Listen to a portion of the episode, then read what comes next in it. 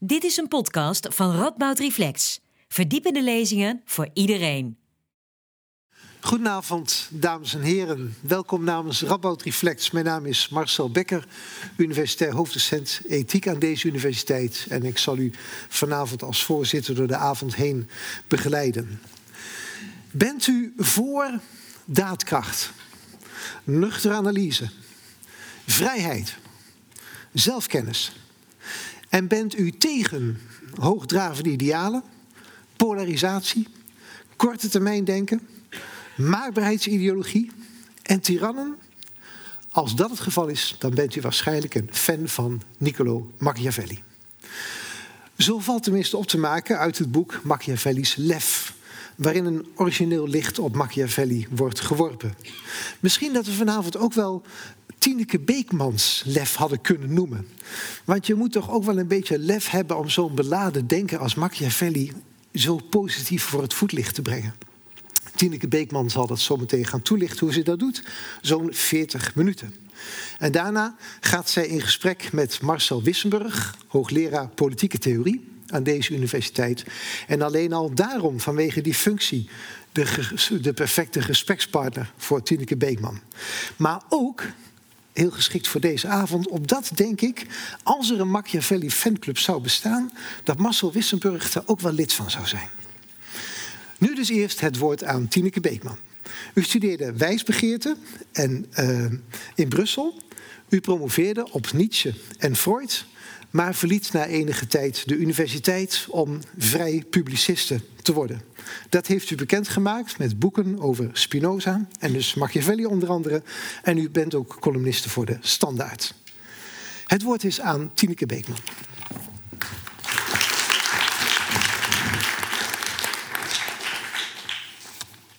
Dank u wel voor deze stimulerende inleiding. Dank u wel ook voor de uitnodiging. Ik vind het heel fijn om hier ja, te spreken over Machiavelli. En uh, zoals gezegd heb ik een heel positief beeld van Machiavelli. En dat heb, ik eigenlijk ontleend aan Spinoza. Want ik heb ook een boek geschreven over Spinoza tien jaar geleden. Um, door Spinoza's lens heette dat.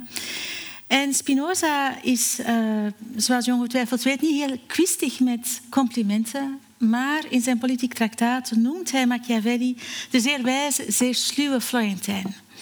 En dat ging zo in tegen de reputatie van Machiavelli, die ik voor de rest ook in mijn studies uh, eigenlijk nooit was tegengekomen. Dat ik dacht, ja, daar moet toch wel ook heel veel te ontdekken vallen. En zo ben ik meer dan tien jaar geleden begonnen met Machiavelli te lezen. En ik deed dat gewoon uit interesse, helemaal niet met het plan om daarover te schrijven. Dus ik ging zitten in mijn zetel uh, met de discussie, het dikke boek van hem, uh, over uh, gedachten over staat en politiek. En ik was helemaal verkocht. Hij schrijft ook heel meeslepend, wat wel aangenaam is naar iemand als Spinoza. En ik ben hem eigenlijk blijven lezen. En op een bepaald ogenblik, een paar jaar geleden, na de, toen we de ene na de andere crisis hadden, dacht ik van ja, ik neem zijn denken zo mee als ik naar de wereld kijk. Daar wil ik eigenlijk mijn boek over uh, schrijven. En zo is dat boek dus ook um, tot stand gekomen. Dus ook mijn lectuur is ook heel erg beïnvloed door Spinoza. En blijkbaar is er een hele traditie van mensen die Machiavelli lezen als een denker van de vrijheid. Maar daar zal ik nog uh, op terugkomen.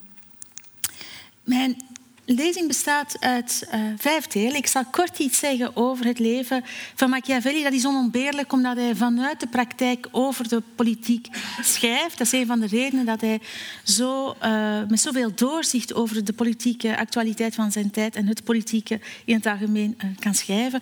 Ik ga kort iets zeggen over ja, het Machiavellisme, zijn slechte reputatie. Waar komt dat toch vandaan?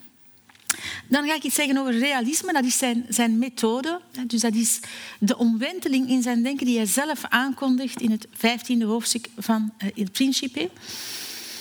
Dan de, ja, de essentie voor hem, politiek is conflict. Daarover gaat het. En hoe kan je dat conflict begrijpen? En ik eindig met een aantal van zijn termen uh, die zich ook tot elkaar verhouden en die je eigenlijk nog altijd kunnen helpen om een andere licht te werpen op het politieke uh, leven. Ten eerste uh, het leven van, van Machiavelli. Hij is geboren in 1469, overleden in 1527. Hij komt uit een soort middenklasfamilie, heeft een hele goede uh, opleiding gekregen in de humanistische, uh, in, in, de klassieke. En plots, er is eigenlijk niet zo heel veel geweten over zijn jeugd, maar plots, als hij eigenlijk nog vrij jong is, nog geen 30 jaar, verschijnt hij op het publieke toneel als secretaris van de Florentijnse Republiek. Een hele korte periode, 14 jaar, is Florence een, uh, een republiek geweest. Voordien was er drie, jaar, drie, vier jaar voordien een meer theocratisch gezien bestuur van de uh, Dominicaanse priester uh, Savonarola. Ik kom daar nog op terug. En voordien ja, was de familie de Medici aan de macht. Dus Machiavelli is op dat wordt dan een, een soort rondreizende diplomaat, ambtenaar van het bestuur. En hij moet de belangen van Florence bij andere heersers in de buurt, bij andere leiders enzovoort, verdedigen. Uh, dan in 1512 uh, komt die republiek ten val. De familie de Medici keert terug. Machiavelli wordt vals beschuldigd van een samenzwering. Wordt in de gevangenis gegooid, gefolterd. Gruwelijk beetje toevallig vrijgelaten omdat zijn stadsgenoot uh, Giovanni de Medici paus mag worden in Rome. En wordt gevierd en voilà, alle politieke gevangenen mogen vrijkomen. daar heeft hij een beetje ook zijn leven aan te danken. En dan vertrekt hij naar zijn landgoed in Sant'Andrea in Percucina, waar je vandaag nog altijd kan uh, uh, bezoeken. Het is een prachtig landgoed. En daar schrijft hij. Dus hij heeft zijn familie een kleine boerderij geërfd. En, dus hij schrijft werken, zoals die Principe Discorsi, l'arte della guerra, ook een Florentijnse geschiedenis, toneelstukken La Mandragola enzovoort. Omdat hij niet aan politiek kan doen en altijd een beetje met de hoop van terug te kunnen keren naar, uh, naar de politiek, maar dat zal uh, niet gebeuren. En dan sterft hij in 1527 in zeer grote uh, armoede. Um, Machiavelli is erg getekend door zijn tijd. Een tijd van hele, hele zware crisis. Italië is enorm verdeeld in verschillende, verschillende gebieden. Uh, Venetië, Napels, uh, Milaan, uh, de pauselijke gebieden. En de vraag doorheen het werk van Machiavelli is hoe kunnen we de eenheid en de onafhankelijkheid van Italië herstellen? En dat is ook een van de redenen dat de Romeinse periode en daar ook de periode van de Republiek voor hem zo belangrijk is. Dus Machiavelli kijkt naar zijn tijd, naar hoe uh, die steden met elkaar uh, in strijd zijn, naar hoe buitenlandse legers daarbij gebruikt worden en zegt hoe komt het eigenlijk dat die, die republiek uh, verloren is gegaan. Hm? Dat is een deel van zijn analyse en die is zijn betrachting om na te denken over de voorwaarden om terug die vrijheid en die onafhankelijkheid van Italië uh, te kunnen uh, bewerkstelligen. Wat hem daarbij niet helpt, en dat is een groot verschil met de periode van de Romeinen, is precies die kerk. Het is ook de periode van de protestantse secessie. Dit is eigenlijk ook altijd het deeltje van mijn lezing dat toch anders uh, klinkt, denk ik, in Vlaanderen dan in, uh, dan in Nederland. Uh, omdat dat is natuurlijk het moment dat er in Rome zes pauzen zijn. Dus eigenlijk juist, op het periode, eigenlijk juist tijdens het leven van Machiavelli, 1470 tot 1530, die op korte tijd er zo'n zootje van maken dat christenen zich totaal verweest voelen. En die zo'n corrupt, decadent, gewelddadig, extravagant beleid voeren, waar wij nog wel de vruchten van plukken qua cultuur natuurlijk. Dat is een fotootje van de Sixtijnse kapel. Maar uh, er is uh, zo'n gebrek aan, aan, uh, aan, aan, aan besef eigenlijk van de rol die de kerk te spelen heeft, dat dus er een grote ontevredenheid is. En dat is ook iets dat heel erg in het werk van Machiavelli aanwezig is. Hij is eigenlijk heel cynisch over die hogere geestelijkheid. Hij zegt bijvoorbeeld, het is aan hen te danken dat wij Italianen ongelovig zijn geworden. Dus hij gaat op allerlei manieren kritiek uitoefenen op de manier dat die kerk zowel of de hogere kerken, omgaan met het geloof en zich ook politiek mengt. Het die, die voortdurende vermenging van, van godsdienst en een politieke strijd die voor hem een van de redenen is waarom dat Italië er zo slecht uh, aan toe is. En ik heb hier ook geschreven, ja, Too Big to Fail van Barbara Tuchman, die een boek heeft geschreven, uh, The March of Folly, over verschillende perioden in de geschiedenis waar totaal irrationeel beleid uh, tot de ondergang van steden of van beleid heeft, heeft, heeft ge, geleid. En zij heeft ook een boek geschreven, of een hoofdstuk daarvan, over die, die zes pauzen. En die idee van onfeilbaarheid, van arrogantie, van wij zijn zo groot, er kan eigenlijk niks misgaan, is, om het met Machiavelli te zeggen, een uitnodiging aan Fortuna om voor u voor een uitdaging te plaatsen. En dat is dan ook uh, gebeurt. Maar dat is dus de context waarin Machiavelli moet uh, opereren. En dat zegt ook iets, denk ik, over die term van, van Machiavellisme. Die term, de, slechte reputatie van Machiavelli begint eigenlijk vrij snel na zijn dood, hè, dus 17, 1427. In, in 1527, in 1530 verschijnt Il Principe voor het eerst. En meteen wordt het beschouwd, onder meer door de Engelse kardinaal Paul, als een, als een, duivels, als, als, een werk geschreven door een duivelse figuur.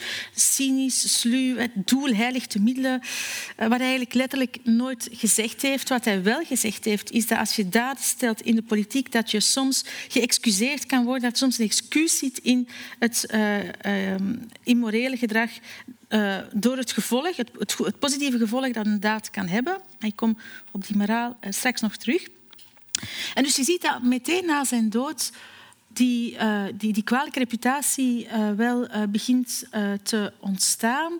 En, en, dan later ook Shakespeare en Marlowe en Machiavelli voeren die ook op in het, in het theater. Um, dat blijft eigenlijk ik denk, duren tot de dag van vandaag. Dat je enerzijds mensen hebt die heel snel het potentieel zien van dit gaat eigenlijk over de republiek en het herstel van de vrijheid. Dan wel mensen die zeggen, dit is een auteur die alle gangbare ideeën, de hele idee van een goddelijke orde opzij schuift en uh, die de politiek beschrijft op een manier waar de klassieke moraal uh, niet meer uh, mee, mee, overeenkomt. Ik heb een fotootje van zijn de grafsteen in de Santa Croce-kerk in Firenze.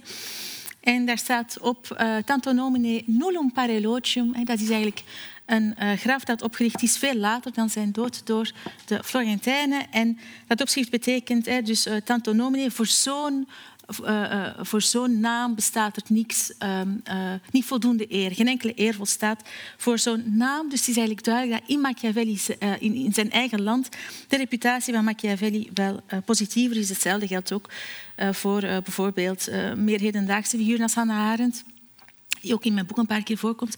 En die maar een paar keer naar hem verwijst, maar altijd heel, heel positief. Altijd als iemand die de inzet van politiek uh, begrijpt. Iemand die zegt, uh, ik, uh, mijn, mijn stad is mij dierbaarder dan mijn ziel. En wat voor Hannah een mooi voorbeeld is van hoe de zorg voor jezelf en de zorg voor de wereld overeenkomt. Dus als hij hem vermeldt, dan is het altijd op een hele mooie manier.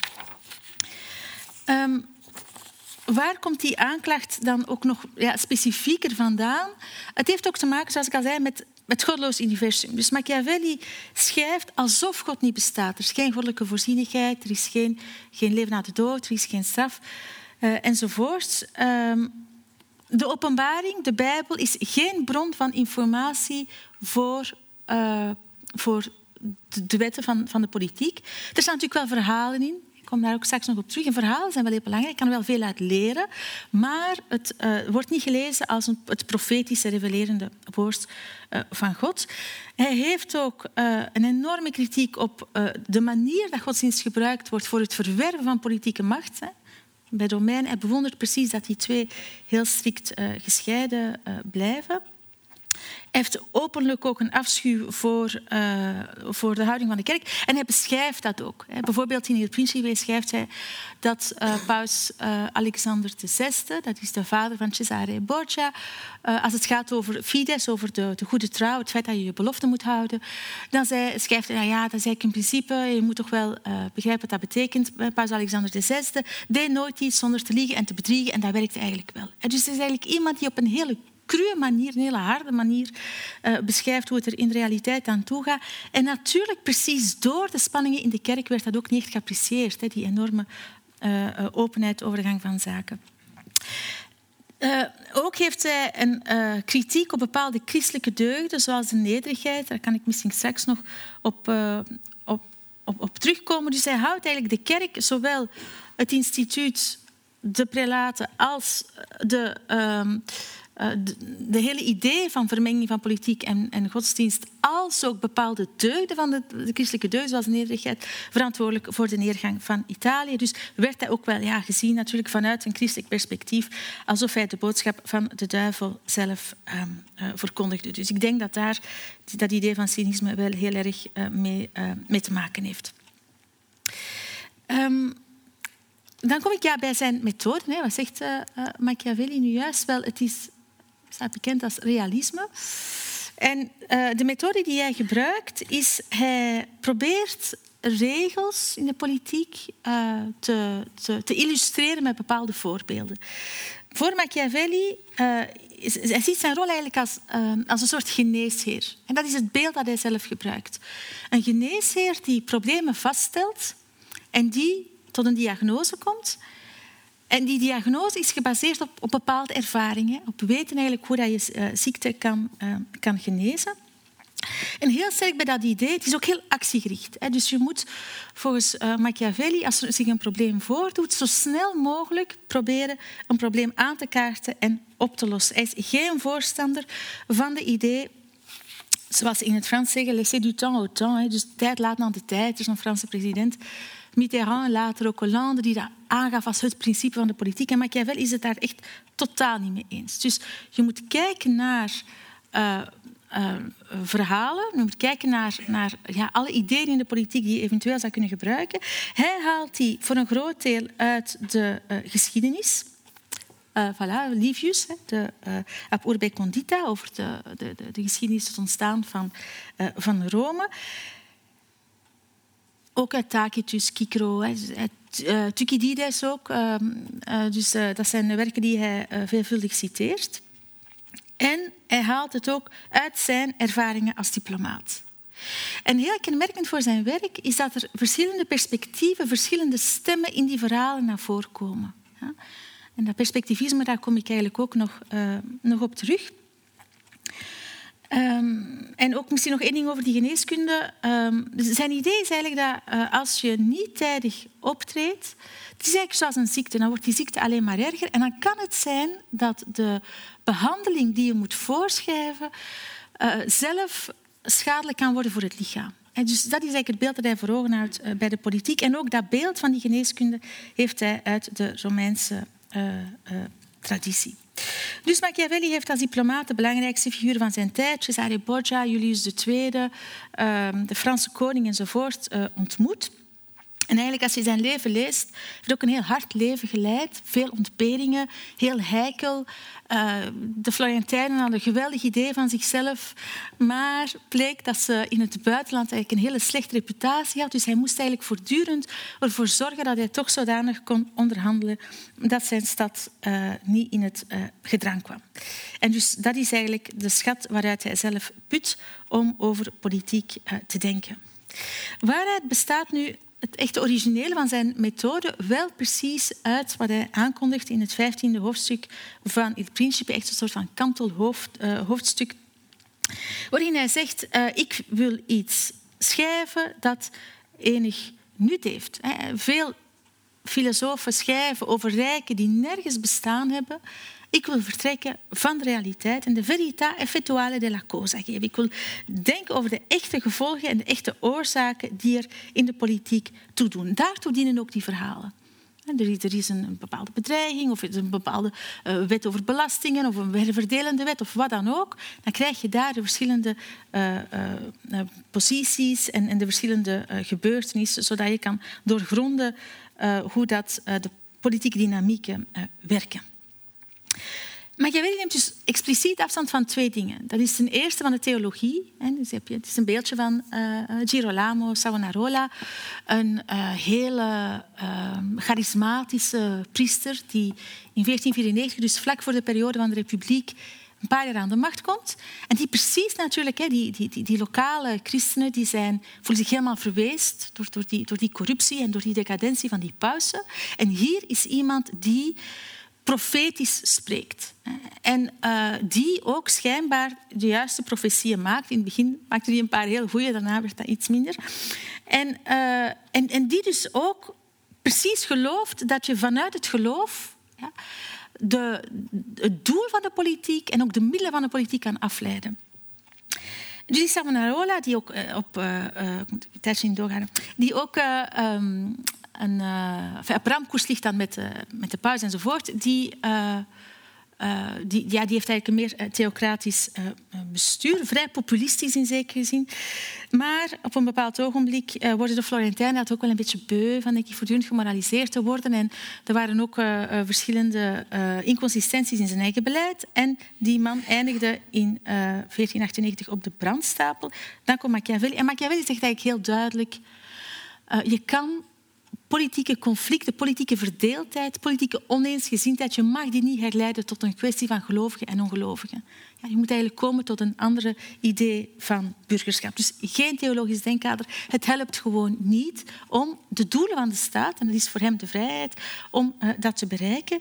Machiavelli maakt ook heel expliciet, doet ook heel expliciet afstand van het, uh, van het ideaal van de utopie. Het is ongeveer dezelfde periode dat Thomas More zijn Utopia schrijft. En hij, ik heb hier een, een citaatje van hem ook uit Il Principe, zo hemelsbreed is het verschil tussen hoe men leeft en hoe men zou moeten leven, dat degene die het leven zoals het is inruilt voor het leven zoals het zou moeten zijn, eerder zijn eigen ondergang dan zijn eigen redding bewerkstelligt. En dus hij denkt, als je kijkt naar de politiek vanuit een soort blauwdruk, vanuit een soort ideaal, dan ga je in de realiteit het omgekeerde bewerkstelligen van wat je eigenlijk uh, wilde.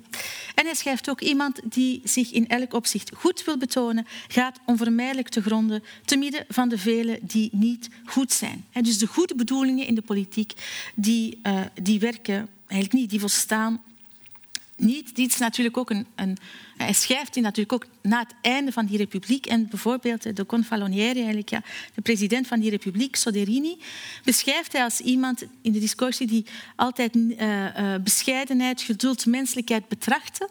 Maar toen het nodig was, toen er een samenzwering kwam om een einde te stellen aan die republiek, veranderde hij niet. Hij wilde altijd het goede doen. En dat was ook de ondergang van hemzelf en van zijn, um, en van zijn bestuur. Dus Machiavelli zegt eigenlijk, ja, je moet ook kunnen antwoorden op, op het spel hè, dat, dat zich afspeelt en dus ook op de, uh, de tegenstanders uh, waarmee dat je uh, geconfronteerd wordt. Dus de gulden regel kan jou fataal worden. Voor de rest zegt Spinoza, zegt Spinoza, zegt Machiavelli, de essentie van politiek is eigenlijk het conflict. Dat is de grote les van de Romeinen. Hij zegt, ja, mijn tijdgenoten in de renaissance, die kijken naar de klassieke periode, Grieken, Romeinen, voor de kunsten, maar eigenlijk de echte schat zit precies in de geschiedenis en in de politiek. Ik ga heel kort iets zeggen over de twee belangrijkste werken. Il Principe, de heerser, het werk ook waar hij een deel van zijn slechte reputatie aan te danken heeft. Dat is opgedragen aan de familie de Medici. Dus hoe is dat gebeurd? Hij is dan verbannen, hij zit te schrijven, hij wil terugkeren naar de, naar de politiek. En hij schrijft een soort sollicitatiebrief. Hij schrijft eigenlijk om te zeggen, zie eens hoe ik de politiek uh, uh, begrijp. En dat werk is gericht op het macht verwerven en de macht behouden.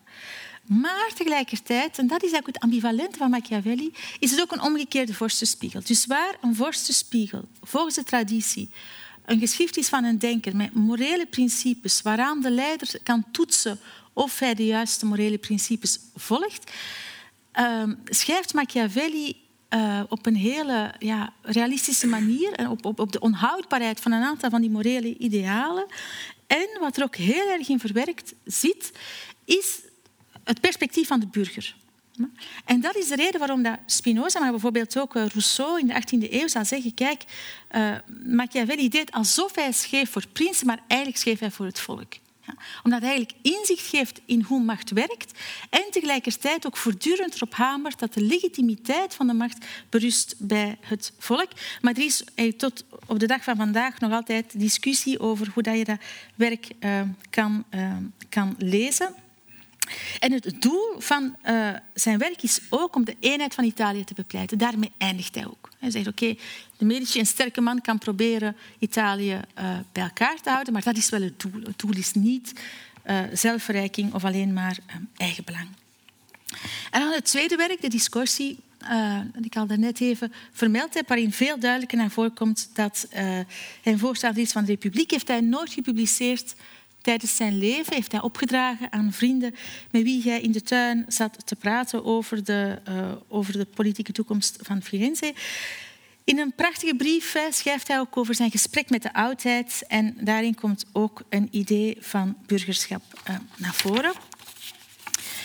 En wat leest hij dus in die, in die uh, discussie? Wel, vooral de essentie van politiek is conflict. Er zijn twee stromingen, twee facties in elke politiek. Of dat, je nu een, oligarchie hebt, een democratie, een tirannie, wat dan ook. Hè. Dus altijd is er een spanning tussen het volk dat verlangt om vrij te zijn en een elite, de vorst, aristocratie, die wensen de macht die ze hebben te behouden. Dat is eigenlijk een beetje tussen de meer progressieve en de meer conservatieve krachten in een samenleving. En die zijn beide legitiem, die hebben beide ook een rol te spelen.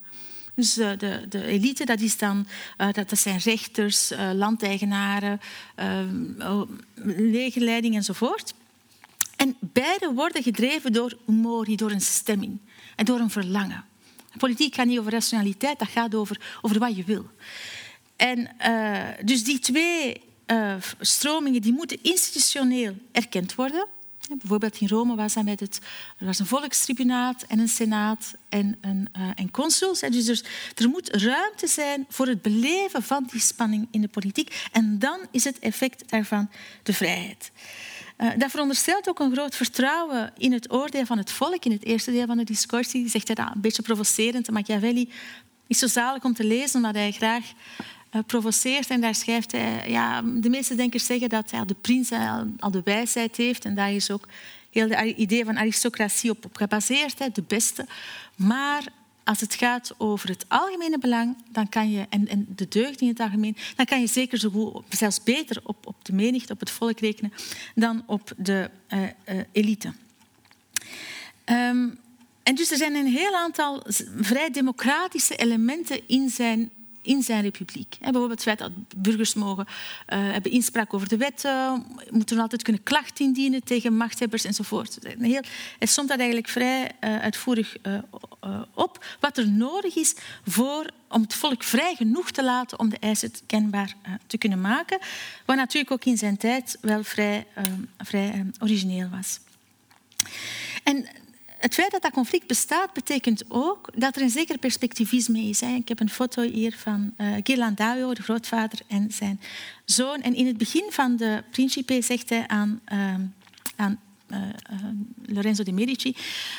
er is dus als je een schilderij maakt, dat is een van de weinige vergelijkingen met de kunst die hij maakt, dan moet je in het dal gaan staan als je de top wil schilderen van de heuvel en moet je op de eh, top van de heuvel gaan staan om het dal te schilderen. En op die manier moet je altijd de beide perspectieven van de verschillende stromingen kunnen innemen om het gehele plaatje te kunnen bekijken. En dus dat betekent aan politieke analyse maken te maken heeft met verbeelding en realiteit. Het heeft natuurlijk te maken met de reden. Je maakt een analyse, maar het heeft, politiek heeft heel veel te maken ook met die, uh, met die verbeelding. Uh, en en dat, is, dat, dat, is, een element dat heel vaak terugkomt, ook in zijn werk terugkomt, waardoor ik denk dat hij vaak opnieuw verkeerd wordt begrepen, omdat er zijn verschillende stemmen in, in, uh, in, elk, in elk politiek debat.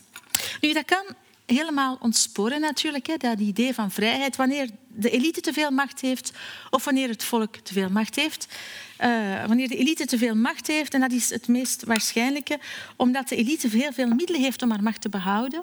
Hij is vaak heel retorisch sterk, kent uh, wetgevingen enzovoort het beste, uh, is vaak ook, ook, ook, rijker. Dus kan allerlei manieren hebben om uiteindelijk de stem van het volk uh, helemaal in te tomen. Maar dat is eigenlijk een heel gevaarlijk iets. Dus, waarom? Dan ga je eigenlijk over naar, naar een soort tirannie. Naar een oligarchie en naar een, naar een tirannie bij het volk, wanneer hun macht verdwijnt, wanneer ze minder vrijheid hebben, het gevoel hebben dat ze niet meer aan de bak komen, dan is er ook een, een groot gevaar, zowel dat van de revolte, de echte revolutie, als ten tweede ook de, de kans bestaat ook dat ze verleid worden door een leider, dat is eigenlijk ook gebeurd in Rome met Julius Caesar, die beweert in naam van het volk te spreken, die beweert tegen die machtige elite de belangen van het volk te verdedigen, al maakt hij zelf deel uit van de elite, Die komt dan aan de macht, het volk steunt die en dan schaft hij eigenlijk alle vrijheid af. Dan krijg je eigenlijk een dictator, onbeperkt in de tijd. En dat is een beweging die wel vaker uh, gebeurt. Dus vandaar ook dat het precies in belang is ook van de elite om dat machtsevenwicht enigszins uh, te behouden. Dus Machiavelli beschrijft verschillende scenario's wat er gebeurt wanneer de ene of de andere partij een, een, soort overwicht kan, kan behalen. Hij zegt ook iets over slechte conflicten zoals klansmafia. Dus een slecht conflict is een conflict waarbij de tegenstander geen legitieme opponent is, maar echt een vijand. Met iemand die echt te vernietigen valt. Want dat conflict, zegt Machiavelli, zal altijd op een of andere manier blijven bestaan. Je kan dat niet beëindigen, je moet dat ook helemaal niet beëindigen. Wanneer politiek in de greep is van een soort clan- en maffia-mentaliteit, dat is uh, alleen maar geweld tegenover de anderen. De populist die zegt ik ben het volk. Iedereen die mij bekritiseert is tegen het volk. Uh, iemand als Savonarola die zegt uh, ja, mijn volgelingen zijn de volgelingen van Christus.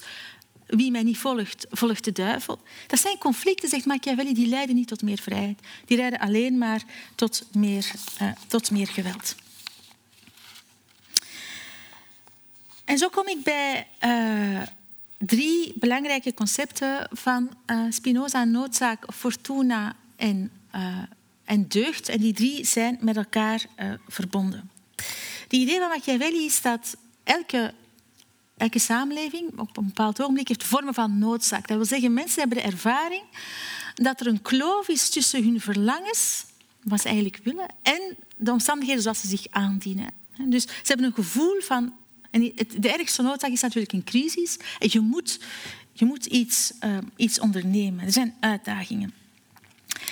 Die uh, uitdagingen die worden u door de voeten geworpen door Fortuna. Dus Fortuna is het lot. En hoe meer deugd je hebt, hoe beter je Fortuna kan temperen en hoe beter je ook eigenlijk de, kan, uh, van, de, van de crisis een soort gelegenheid maken. Dat is eigenlijk, in het kort gezegd, de dynamiek tussen die drie uh, concepten. Dus het eerste is een noodzaak. En wat heel contra-intuïtief is aan Machiavelli, is dat hij zegt noodzaak brengt het beste in de mens naar boven. Maar als ik dat de eerste keer las, dan dacht ik, noodzaak dat is toch iets wat je absoluut moet vermijden.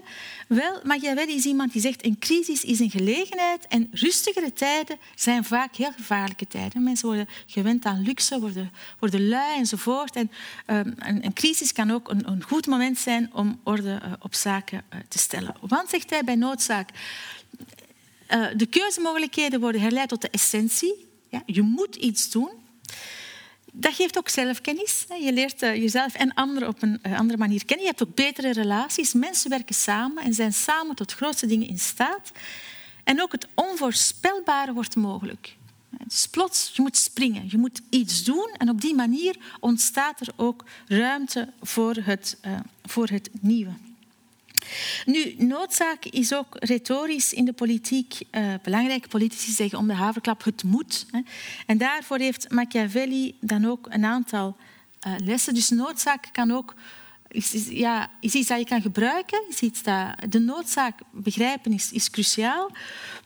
Dus, maar het kan ook gebruikt worden als een excuus in de politiek. Dan moet je dus eh, Machiavelli geeft altijd lessen aan de burger over hoe dat je eh, boodschappen van eh, politici en van leiders moet decoderen. Die het moet.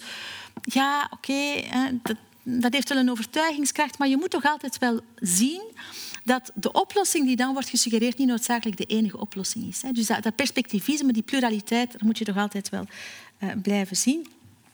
Noodzaak is ook verkeerd als je alleen je eigen noodzaak begrijpt en niet die van de ander. Als je zo vastzit in uh, jouw gevoel van tekort of van, of van nood, hè, dat je niet meer begrijpt dat andere mensen vanuit een ander perspectief gedreven worden door iets anders. Dus respect voor die pluraliteit betekent ook opnieuw die verbeelding die je kan hebben om het perspectief van de ander in te nemen. En dan, als je te passief bent of te gewelddadig op lange termijn, uh, is dat eigenlijk een heel slecht iets. Dat is eigenlijk uh, iets dat ook bij Fortuna, uh, waar ik nu aan, over ga praten, terugkomt. Als je te veel doet of te weinig, dan ga je ook niet goed om met de nood die zich stelt. Dus noodzaak wordt je voor de voeten geworpen door Fortuna. Dus dat is het beeld van de Romeinse godin die de horen des overvloeds in haar ene hand heeft en het roer in het andere. En Machiavelli die leefde in tijden waar mensen verschrikkelijk uh, fatalistisch en depressief waren, helemaal geweldig herkenbaar, zegt uh, je mag nooit fatalistisch zijn. Hoe begrijpelijk het ook is, in principe heeft begrip voor mensen die zeggen wat maakt het uit wat ik nog doe. Uh, je moet altijd proberen te zien wat je nog wel kan doen, want fortuna bepaalt wel het lot, maar slechts voor de helft. Dus je hebt een vrije wil, je hebt een verantwoordelijkheid. En um, hoe hopeloos het ook is, je moet proberen toch iets uh, te doen. Zij is een godin, maar ze heeft geen plan. Dus dat, is een soort blinde kracht. Hier zitten we weer in het godloze universum. Maar ik vind het wel mooi dat je in die renaissance wel echt beelden hebt. Ik vind dat die verbeelding ook echt wel helpt om uh, te zien, ja, het, het, het leven verandert voortdurend. Zij vergelijkt eh, Fortuna zelf met een rivier die kan overstromen. Die dus eh, plots, het leven is voortdurende verandering. Niets blijft hetzelfde. En uh, met die verandering moet je kunnen omgaan. Dus je bent, als je succesvol wil zijn, moet je mee kunnen veranderen met de tijd. Moet je kunnen inspelen op de uitdagingen die dat zich voordoen. De gevaren van Fortuna zijn als je overmoedig bent. Denkt, ik controleer alles. Hoe meer je denkt dat je alles kan controleren, hoe meer dat er ook dingen zullen gebeuren die blijkbaar helemaal buiten jouw berekeningen vallen. Dat is één gevaar. Dat is ja, in zekere zin de, de technocraat. Anderzijds, degene die, uh, dus degene die te zelfgenoegzaam is of degene die te passief is. Degene die zegt, ja, ik, uh, die zijn verantwoordelijkheid uh, niet opneemt, ook die zal geconfronteerd worden met meer uitdagingen van, van fortuna. En dus je moet heel flexibel zijn, wat omwille van allerlei redenen heel erg moeilijk is. En zo kom ik tenslotte tot, uh, tot zijn idee van deugd. Ja, wat kan je daar allemaal tegen doen? Wel, je moet proberen deugdzaam te zijn. En dus uh, virtu, hier een fotootje van, van Aristoteles. Dus dat is het, het idee van de deugd als een voortreffelijkheid. Dus deugd ook als een, als een, een praktijk. Het is een voortdurend schaven aan jezelf, aan, aan je eigen potentie. Dus die moraal is niet een kwestie van regels of heeft heel weinig te maken met zondebesef en, dat soort van dingen, maar heeft echt te maken met een, met een praktijk. En bij Machiavelli krijgt het ook iets van een soort, een soort levenskracht, een soort levensvisie, een manier om in het leven te staan.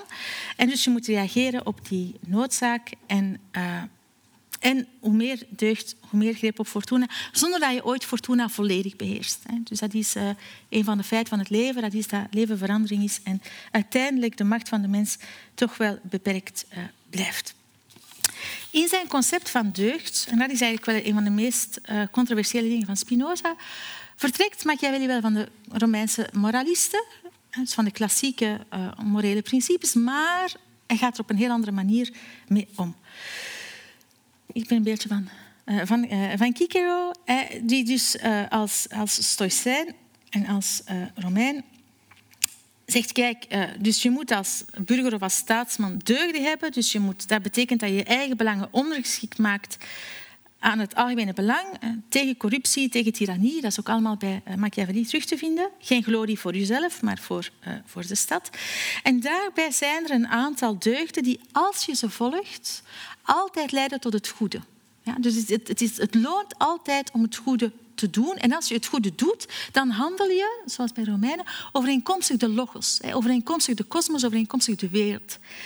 Um, dus uh, die, die, vier kardinale deugden zijn ja, de wijsheid, moed, uh, uh, rechtvaardigheid en de matigheid. Dat zijn de, de klassieke. En daar zijn nog drie politieke drie of vier echt politieke deugden bij. Fides, de goede trouw, dat je altijd je belofte moet houden. De barmachtigheid, Seneca schreef over uh, de clementia. En ook de vrijgevigheid, de, de, de, liberalitas en de grootmoedigheid. Het loont altijd van grootmoedig te zijn. Seneca, ook een stoïcijn, schreef een werk voor uh, Nero, niet echt de beste leerling, over de barmhartigheid. Dus het loont altijd van barmhartig te zijn. En wat zegt nu Machiavelli? Kijk, dat is allemaal heel mooi. Je moet wel proberen. Het strekt tot eer, zegt hij. Van barmhartig, trouw enzovoort te zijn. Maar je moet ook bereid zijn van het niet te zijn. En dat is eigenlijk het schandaal Machiavelli, waarmee dat hij natuurlijk die hele idee van harmonie en kosmos en logos en het goddelijke principe dat helemaal uh, overhoop uh, gooit. Machiavelli doet zelfs iets heel heiligschennends uh, tegenover zijn tijdgenoten, waar Cicero zegt, en dat resoneert natuurlijk ook in de christelijke cultuur, er is een breuk tussen mens en dier, want alleen de mens kan het ware, het goede, het schone, het redelijke. Zegt Machiavelli, je moet proberen de, uh, de sluwheid te hebben van een vos om de vallen van de anderen te ontwaren. En je moet de, uh, de macht hebben van de leeuw om de aanval van anderen af te weren. Het is wel zo dat hij dat beide op een defensieve manier uh, presenteert. Maar ook dat was in zijn tijd een, een groot schandaal. Dus je moet bereid zijn om die, die deugden ook, ook te ontwikkelen. Dus niet gewoon een soort van karaktertrek of zo. Je moet echt erop bereid zijn van, dat, van dat te doen. En dus Machiavelli's omwenteling is in grote mate precies die andere visie op, uh, op die deugden. En hij geeft ook daar lessen over retoriek. Dat is eigenlijk heel interessant. Hij schrijft dat mensen zijn altijd geneigd, politici vooral, om hun eigen gedrag als het goede uh, te, te, te, laten presenteren. Of, of hun medestanders doen dat. Maar je moet die, die deugden heel precies kunnen analyseren. Dus het gaat maar niet alleen over dat je moet kunnen bereid zijn tot het minder goede en daarin speelt ook, um, daarin speelt ook precies die idee van, van langere termijn. Iets kan goed lijken in intentie, maar op langere termijn nefast zijn. Daar moet je heel erg uh, rekening mee houden. Maar je moet ook kunnen analyseren hoe dat die deugd wordt gebruikt. En hij geeft voorbeelden van barmhartigheid die eigenlijk gewoon zwakheid waren, die gewoon laksheid waren, die de, de onwil waren om in te grijpen met heel kwalijke gevolgen. Een ander voorbeeld dat hij geeft is over vrijgevigheid. Iemand werd geprezen als vrijgevig, maar eigenlijk was hij verkwistend. Dus je moet uh, zien uh, met wie dat je uh, te maken hebt. En populair willen zijn, dat is eigenlijk iets dat heel weinig um, respect afdwingt. En geeft hij dan nog een aantal andere Ideeën zoals gevreesd zijn, dat dwingt meer respect af. En je mag zeker niet gehaat of geminacht worden door de bevolking. Maar in die beschrijvingen speelt schijn en speelt hoe je overkomt belangrijk. Je kan zeggen, ja, dat is een vorm van cynisme. Maar dat is natuurlijk ook precies omdat hij die blik van de burger heel erg betrekt uh, bij, zijn, bij zijn verhaal. En dus moet je ook, zowel als, uh, als staatsman als als burger, een soort idee van glorie voorstaan. En glorie bij Machiavelli, ik ben bijna aan, aan het einde.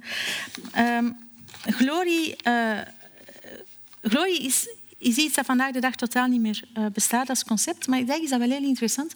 Maar Machiavelli zegt, je moet met de ambitie van mensen werken. Mensen zijn ambitieuze wezens. Het komt erop aan om in een samenleving de juiste idealen te beschouwen als eervol om na te streven, zodat ambitieuze mensen zich daarop gaan richten en niet op hun eigen belang, niet op verrijking enzovoort. En dan en, en, en, om die glorie, om, om de juiste idee van glorie te verspreiden, heb je wet en instellingen nodig, ook modellen. En op die manier kan je ook naar volgende generaties toe toch proberen van wat die vrijheid kan in stand houden, van dat ook uh, verder uh, te zetten.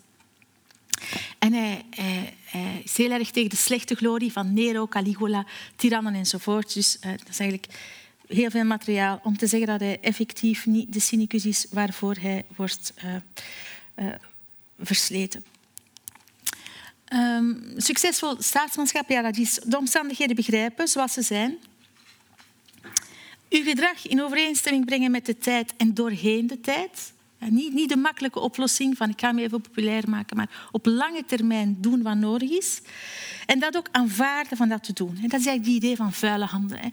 Politicus, politici zijn eigenlijk mensen die heel moeilijk een goed geweten kunnen hebben. Vroeg of laat komen er dingen, ga je beslissingen moeten nemen die sowieso hartverscheurend zijn. En je moet ook die bereidheid hebben eh, om dat eh, te doen. En dan ehm, en dus eigenlijk, ja, afrondend, wat moet je doen? Je moet deugd ontwikkelen. En deugd is het actieprincipe. En hoe moet ik handelen? Het is eigenlijk de deugd die me een richting geeft voor het handelen. Ja. Um, bij de monarchie is het eer. Wat is eervol? Maar hier is het echt zo deugdvol. Het volstaan niet van wetten en instellingen te hebben. Je moet ook iets meegeven en mensen, als ze geboren worden, moeten ook tot burger gemaakt worden. Je hebt ook een soort ja, gedeelde visie nodig waar je als samenleving uh, naartoe uh, wil. Daarmee kan je de impact van Fortuna beperken en nooit wanhopen, zegt hij. Want uh, zelfs noodzaak is een gelegenheid voor het beste in de mens. En dan ga ik besluiten met nog twee citaatjes. Het is beter om, spijt, uh, beter om te handelen en spijt te hebben dan niet te handelen en spijt te hebben. Dat typeert hem wel helemaal, want heel zijn werk is helemaal op die actie uh, gericht. En dan ja, het, uh, het, citaatje waar ik ook mijn titel van mijn boek aan ontleen. Elke mens moet doen wat zijn geest hem ingeeft en het doen met lef. En dat is in een brief die hij schrijft in uh, 1506 aan, aan Soderini. En ik, heb het, ik heb het gebruikt omdat, omdat er zit zo'n drive in. Hè, in, in tegen alle kansen in toch proberen iets te doen. Hè, dat typeert hem helemaal. Maar ook omdat uh, eigenzinnigheid uh, in Vlaanderen, misschien ook in Nederland, is iets dat mensen zichzelf heel graag geven. Ze zijn eigenzinnig tegen de stroom in enzovoort. Maar eigenlijk zijn er weinig denkers die echt heel, heel eigenzinnig waren.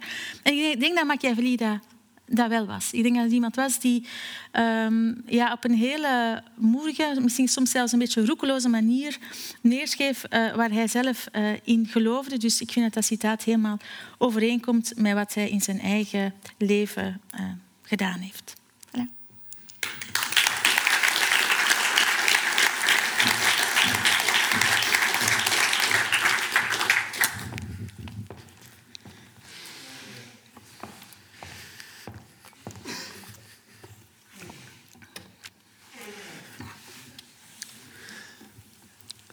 Dank u wel voor deze ja, veelzijdige introductie. Uh, waarin u heel veel kanten van Machiavelli hebt, uh, hebt belicht. Ik zou bijna zeggen, het is een perspectivistische inleiding op het werk van, uh, van Machiavelli. aanschuiven doet nu professor Marcel Wissenburg. ja, misschien mag ik als eerste vragen. als hoogleraar politieke theorie ben je een leven lang met Machiavelli bezig, neem ik aan. Ja. ja. Uh, wat heeft, heeft u vanavond uh, iets gehoord waarvan u denkt: ja, maar dat ben ik nou nog in al die jaren literatuur lezen over Machiavelli niet tegengekomen? Uh, dat denk ik niet, maar ik heb wel een heleboel dingen gehoord waarvan ik denk: yo, daar moeten jullie weer een beetje, daar moeten jullie over verteld worden. ik heb ontzettend genoten dus van je boek. Ehm, als je Machiavelli openmaakt, als je Machiavelli gaat lezen Il Principe is nog vrij makkelijk. Hè. Dat, is, dat, dat gaat over, ieder hoofdstukje gaat over een deugd die een ondeugd blijkt te zijn. Uh, uit ons moralistisch perspectief. Maar het is vergeven met historische voorbeelden die we bijna niet meer herkennen. De discorsie, uh, dat is inderdaad een pil met de Romeinse geschiedenis. En wij weten niet zo vreselijk veel meer van die Romeinse geschiedenis. Als je onvoorbereid Machiavelli openmaakt, dan word je overweldigd door dit alles. En dan houd je misschien al, als je tenminste geen historisch besef hebt, geen, geen, geen, geen, geen lieveling bent van de, van de geschiedenis, dan houd je heel snel op. Eh, een boek als het jouwe is, uh, is, is gewoon fantastisch, omdat het gewoon. Het geeft een beetje structuur, het geeft orde. En het maakt het ineens mogelijk om Machiavelli te gaan lezen en te begrijpen: ah, daar gaat het over. En weet je, je bracht mij op ideeën. Want een van de laatste dingen die je zei ging over glorie. En je suggereerde: eigenlijk herkennen we dat niet meer.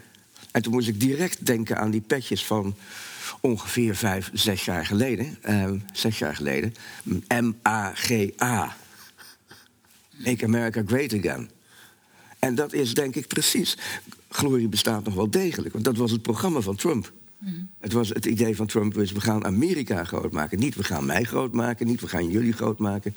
We gaan Amerika groot maken. Amerika, dat zijn wij allemaal. We gaan die, die, die, die verrotte structuren gaan we, gaan we nieuw leven inblazen, et cetera. En ik denk, ja, ik vind dat fantastisch. Nou, dit is een van de leuke dingen van Machiavelli. Als je hem leest en je bent voorbereid inderdaad, als je weet wat je te wachten staat... dan ga je een vergelijking maken tussen een Borgia en een Trump. En je gaat je afvragen, doet hij het veel beter of veel slechter dan Borja? En hoe zou hij het hebben gedaan als hij niet afhankelijk was geweest van verkiezingen, maar gewoon op een normale manier, zoals een normaal politicus de macht kon grijpen? Uh, de democratie, dat is toch wel verschrikkelijk slecht voor, voor politici. Hè? Um, nee, goed. Je, misschien, misschien even dus deze vergelijking. Wat, wat vindt u van deze vergelijking? Sneed die hout? Ja, wel, uh, ik denk wel dat Trump iets, iets aanboort, namelijk een idee bij Amerikanen van wat Amerika is of Amerika zou moeten zijn. En het feit dat ze zich daar helemaal niet meer in herkennen. Ik denk ook in mijn, in mijn boeken haal ik het uh, werk aan Strangers in, in Their Own Land van een Amerikaanse sociologe. En, en zij beschrijft daar precies die mensen in die gebieden die voor Trump stemmen zeg ja, kijk, bij ons was een bepaalde belofte gemaakt eh, dat het, als we hard zouden werken, dat we erop zouden vooruit gaan, maar we zien dat dat helemaal niet het geval is. En dus ja, die worden ook vanuit een gevoel van vernedering en zo, wat Machiavelli ook fantastisch goed beschrijft, heel die, die dynamiek. Um, ja, worden die wel vatbaar voor. Niet alleen, want ik denk niet alleen dat ze zoveel geloof heeft in Trump dat hij dat gaat doen, maar wel een heel mooi voorbeeld van. Er is een elite in Washington en die spuurt eigenlijk op het volk. En uh, dat zit er ook helemaal geblokkeerd. Die denken alleen maar aan hun eigen belangen. En wij staan een ander idee voor. En het is ook een hele mooie illustratie van de ja, van de verdwazing daarvan. Want dat is ook iets dat Machiavelli heel mooi beschrijft in de discussie. Hoe, hoe mensen dat dan toch op een of andere manier uh, beginnen te volgen zonder helemaal door te hebben hoe dat ze precies niet dichter bij hun doel uh, uh, geraken.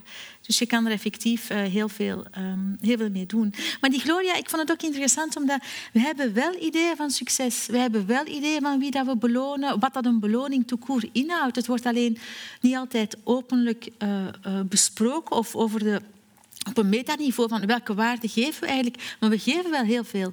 Wat u zegt in het boek ergens, Machiavelli is tegen privilege, maar voor verdiensten.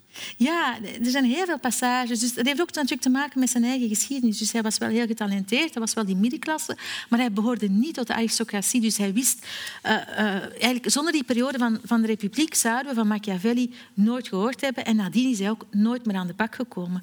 Dus alle belangrijke posities, ook bankier, maar ook, ook zoals diplomaat en zo, was allemaal voorbehouden voor zoontjes van. En, eh, en hij kende die wel en hij ergerde zich daar heel, heel heel erg aan. En op heel, heel vaak zegt hij, uh, zeker ook in vredestijd worden mensen uh, niet op uh, wille van verdiensten geselecteerd, maar, maar door hun netwerken, door hun privileges. En wat is privilege? Ja, dat is precies dat. Dat is dat je ergens terechtkomt zonder dat je hebt aangetoond wat je kwaliteiten zijn. Vandaar ook die sollicitatiebrief. Dat is echt van, dat zijn mijn, dat zijn mijn echt heel modern, hè, want dat zijn mijn kwaliteiten. Zie je zo goed dat ik u zou kunnen um, raadgeven.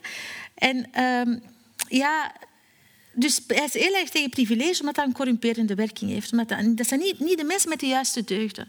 En het is natuurlijk ook de taak van de burger om precies die leiders of die politici te kiezen die wel de juiste deugden, er zit ook een verantwoordelijkheid in, die wel de juiste deugden vertonen. En uh, nepotisme, zelfverrijking, uh, ook het... Uh, dus Machiavelli is wel verdedigt een bepaalde schijn, een bepaald theater in de politiek. Maar natuurlijk de manier, de middelen die sommige mensen hebben om hun eigen incompetentie te verbergen, is natuurlijk gewoon fataal. Die geven de indruk van competentie, maar het is niet. En uiteindelijk uh, uh, zijn, zijn die ook heel, uh, heel nadelig. Ja, ja. Ik zie u heel even op uw papiertje kijken net. Dat nou, nee, niet, niet, niet direct aansluiten. Maar ik zit te denken aan wat ik nog meer allemaal heb opgepikt... aan, aan thema's waarvan ik denk, kijk, die moeten nog eventjes benadrukt worden. En, maar misschien even, dan gaan we zo meteen op met die competentie. Herkent u dat vanuit de Machiavelli-literatuur? Machiavelli geldt eigenlijk als de, de rouwdouser. Maar nu krijgen we het horen als iemand die kwaliteit en verdiensten en competentie centraal stelt. Dat vind ik toch wel een, een, uh, een ander perspectief op Machiavelli. Ja, ik moet, ik moet eerlijk zeggen, ik heb ik heb Machiavelli, de, uh, Il Principe, dus dat, dat schandalige boek en zo. Hè, dat, eh, wat ik nog steeds echt fantastisch vind. Dat is een beetje politieke porno. En, en ja, goed, ik heb, het, ik heb het gelezen toen ik geloof ik 17 was. En toen was ik net politiek actief geworden. En um, in één klap van allemaal illusies af. Um, van al die, van die, al die illusies over politici die alleen maar het goede willen.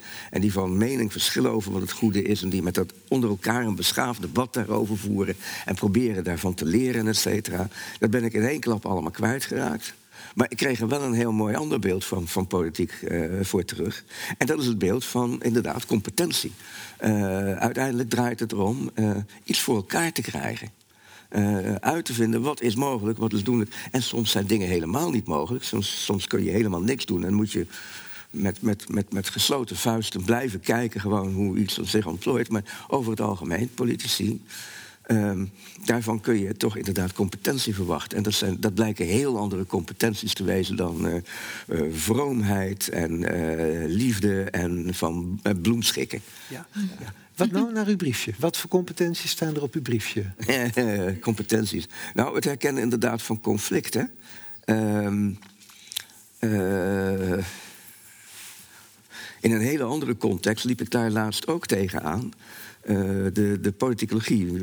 Ik ben, ik ben politiek filosoof, maar ook een beetje politicoloog. Ik werk bij politicologen en, uh, enzovoort. Uh, de, de politicologie heeft zichzelf eigenlijk hele lange tijd beschouwd als een, als een studie die onderzoek deed naar stabiele samenlevingen. Want daar, daar werd de echte politiek bedreven. En het is pas weer sinds zeg maar, nou, de val van de muur en alle ellende die daarna kwam, dat de politicologie herontdekt wat politiek filosofen al 25 eeuwen weten. Namelijk, het draait inderdaad om conflict. En die momenten van, van relatieve rust, et cetera, die zijn uitermate zeldzaam en die zijn zo voorbij. Daar heb je Tante Fortuna weer. Ja, gevaarlijk eigenlijk. Ja, dan val je een beetje in slaap. Ja, en het mooie vind ik uh, we hadden het net even over, over Trump. En uh, in je boek haal je het, het, uh, dat, dat ja, defining moment volgens mij aan... waarop Hillary Clinton de verkiezingen verloor. Dat was door die flauwe opmerking te maken over de aanhang van Trump... dat dat um, een, een bunch of losers waren, feitelijk. Deplorables. Ja, deplorables, exact. En um, eerder vandaag moest ik er ook aan denken... Uh, wij hebben in Nederland ook zo'n moment gehad. Dat is het moment geweest waarop de normale, brave politiek, waarbij alles pais en vree was en we uh, samen het allemaal met elkaar kunnen oplossen. Uh, dat moment, dat, dat, dat ene moment waarop dat, die, dat, die hele droom in gruzelen ging. En dat was het, het beroemde Melkert-moment. voor degenen die oud genoeg zijn om zich dat te herinneren een verkiezingsdebat waarbij Ad Melkert, de lijsttrekker van de PvdA, een technocraat en eerlijk gezegd uh, niet te onderscheiden van een lijk. Uh, hoe Ad Melkert reageerde op Pim Fortuyn, de relnicht, de populist, de over de top uh, bewegende en schreeuwende en roepende amateurpoliticus. En dat was met zo'n blik van. Zo'n kleine, arrogante blik van: ik ben de elite. Ik ben het patriciaat dat Nederland al 400 jaar regeert. Wat ben jij voor een wurm?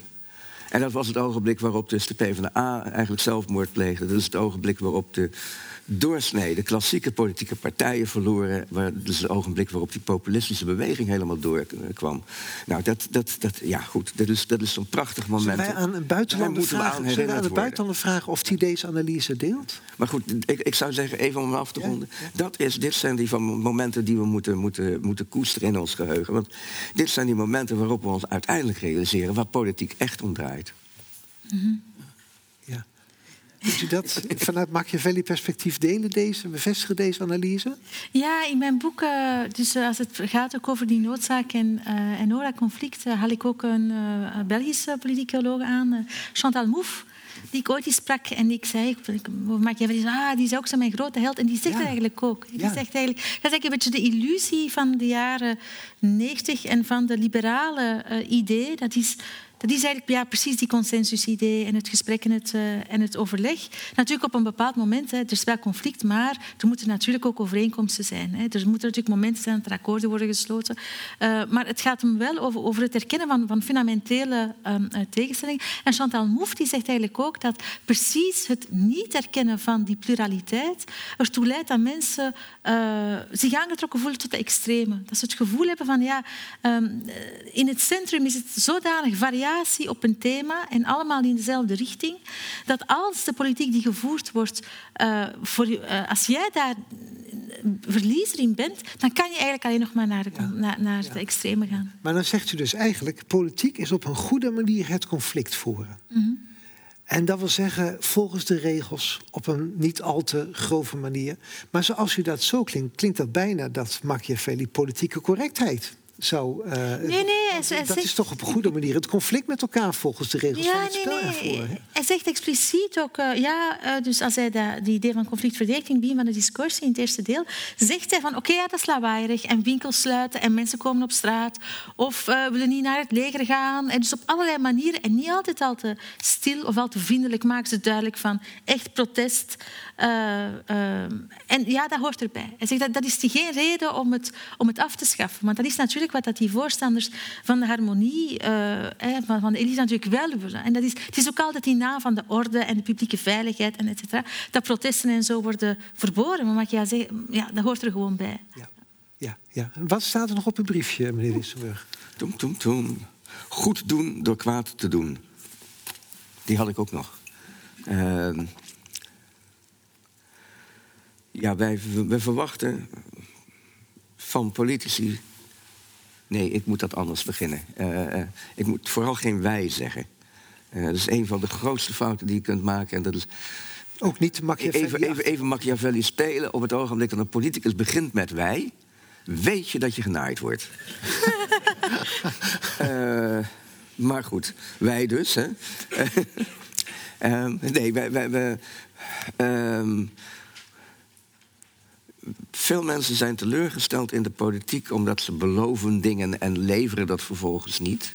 Oké, dat heeft voor een deel te maken met gewoon niet begrijpen hoe politiek werkt. Hè?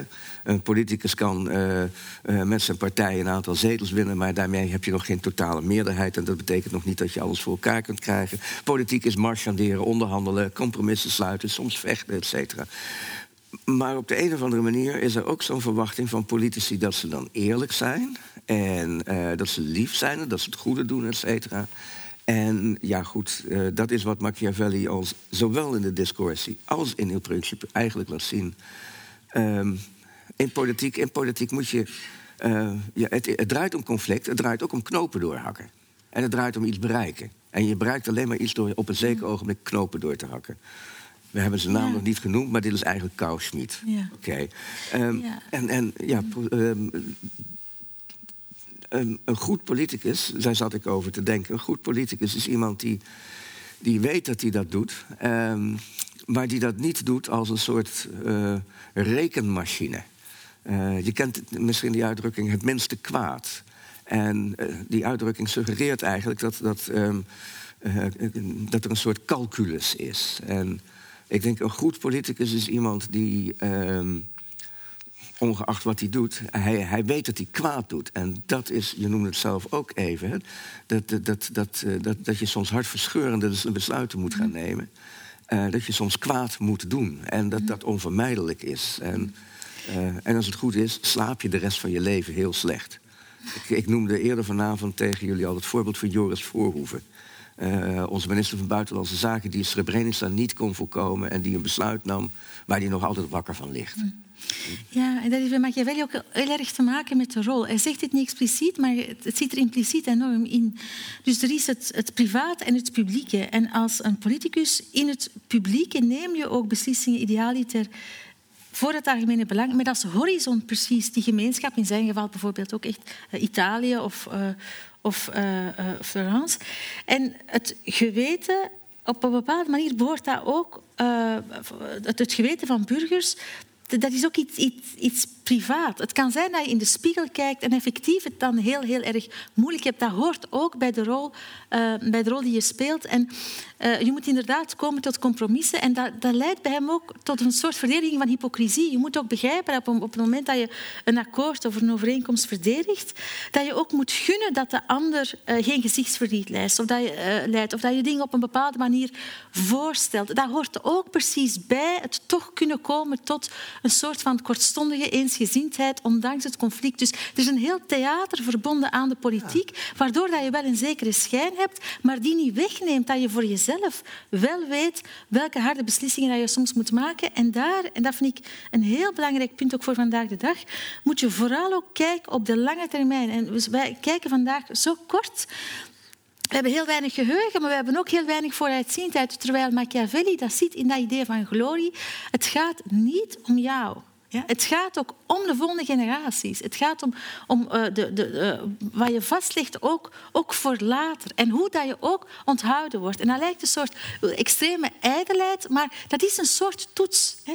Dus ik heb daar, daarnet het beeld van Marcus Aurelius. En Machiavelli is voorstander van de Republiek, maar er zijn een paar keizers waar hij positief over is. En die zegt, uh, Marcus Aurelius die streefde de goede glorie na. Die was veilig tijdens zijn leven, sliep bij zijn soldaten enzovoort. Uh, uh, en geliefd na zijn, of bewonderd na zijn dood. Tegenover Nero, die was, had, aan al zijn legers niet genoeg om veilig te zijn. Die werd vermoord. En gehaat uh, door, uh, door de rest van de mensheid voor altijd. En dus je moet proberen van, van als politicus die beslissingen te, te nemen, waardoor dat je uh, die glorie op lange termijn hebt. Maar dat betekent dat je ook rekening houdt met de nadelen van je beslissingen op lange termijn. En dat is iets dat wij... Natuurlijk heeft het ook precies te maken met die verkiezingen met die korte termijnen, met dat democratische proces, um, uh, dat, dat, we een beetje uit het oog zijn verloren. En dus die hardheid van die beslissingen heeft ook ermee te maken dat het kan nu goed lijken van dit te doen, maar als ik denk wat dat allemaal betekent, dan zeg ik nee, we moeten meteen ingrijpen en iets anders doen, waarmee je misschien minder populair maakt, maar op termijn de effecten wel positief zijn. Dus ook dat spel moet je kunnen spelen en dat is natuurlijk uh, heel, heel lastig en, uh, en dat is natuurlijk ook een opgave om dat met je eigen geweten in in overeenstemming te brengen. Maar dat hoort er voor Machiavelli bij. Anders moet je er niet aan beginnen, want dan, dan wordt het alleen maar een ramp. Ja. En hoe verhoudt zich dat ook tot het idee van transparantie? Want Wel, wij leven in een politiek waarin absoluut. voortdurend transparant moet zijn. Maar als ik u zo hoor, dan moet je ook af en toe niet transparant zijn als, uh, als politicus. Wel, um, er is dus, waar bij Machiavelli altijd voorop staat, is natuurlijk uh, het doel dat je voor ogen houdt. Hè. Dus, um, uh, maar het, het, klopt inderdaad. Ik denk ook dat wij een heel fout idee hebben van transparantie. In de zin dat in, in, Vlaanderen, maar ik vermoed in Nederland ook, gaat het ook heel vaak over, over conflicten tussen mensen of, of ja, roddels over partijbelangen. En, en, vaak wordt politiek ook bekeken vanuit de poppetjes zal ik maar zeggen. Alsof, ja, ja, ja, Maar dat is eigenlijk niet waar het over gaat. De politiek moet transparant zijn in de zin dat ze leesbaar moet zijn. In de zin dat de beslissingen die genomen worden duidelijk moeten zijn. Dat mensen die beslissingen nemen verantwoordelijkheid afleggen. En dat je als burger ook weet hoe bepaalde beslissingen tot stand komt, maar qua inhoud. En niet, niet noodzakelijk het spel tussen, tussen, tussen de poppetjes. En dat soort transparantie is er ook in de media, denk ik, vaak veel te weinig. Het gaat heel vaak van de ene hype naar de andere. Een filmpje of iemand die iets gezegd heeft. En alsof dat uh, uh, de hele politieke realiteit daartoe kan worden herleid, terwijl er effectief misschien wetten worden gestemd of beslissingen worden genomen die heel ingrijpend zijn voor het leven van de mensen. Ja, dus daar willen, moet transparantie ja, over zijn. Dus de poppetjes en de personen en de persoonlijke motieven en zo, dat willen wij allemaal weten. Maar Machiavelli zegt dat is helemaal niet zo relevant. Dat, is, nee, dat zou dat verborgen moeten blijven. Maar de eigenlijke dynamiek van de beslissingen, van de groepen tegenover elkaar, daar zouden we ons veel meer op moeten richten. Want dat is de eigenlijke. Daar kan een goed politicoloog het niet bij oneens zijn, denk ik. Uh, nee. En uh, nou, wat, wat natuurlijk heel grappig is is dat dit kennelijk dus een probleem is van alle tijden. We Machiavelli schreven 500 jaar geleden over. Dus uh, nil novus sub sole. Uh, niks nieuws onder de zon. Dat is één. Nummer twee, ik, het, het, doet mij gewoon denken aan... ik, ik kijk heel graag naar de Eerste en de Tweede Kamer in Nederland. Uh, vergelijkbaar met de Senaat bij jullie. Maar de Senaat bij jullie, daar zitten ook, ook muzici, geloof ik, in... die voor het leven baron worden of zo. Ja, die die worden afgeschaft omdat die mensen echt niks doen bij ja, Dus er gebeurt echt niks. Bij, bij, ons doen ze iets fantastisch, moet ik heel eerlijk zeggen. Want precies daar gaat het niet om de poppetjes. En uh, uh, als, je, als je naar de Eerste Kamer gaat en je luistert naar een debat... dan heb je geen idee voor welke partij iemand eigenlijk aan het spreken is. Want het gaat echt over de inhoud. Ja, maar dat zou Machiavelli toch volgens mij ook niet goed vinden vinden. Gaan we even naar de Machiavelli nou. Nee, jawel, jawel. Politiek moet echt over inhoud gaan. Maar natuurlijk, hij leefde niet in die, die media-tijdperk. Hij leefde ook helemaal niet in die, die soort van massacultuur zoals we die vandaag hebben.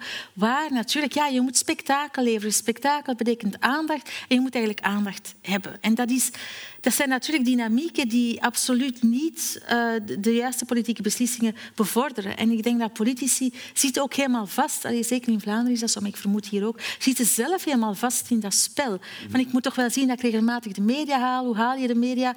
Ja, dat is natuurlijk niet met de, de ingewikkelde uitleg en met uh, toelichtingen over de saaie vergaderingen die er eigenlijk wel toe doen.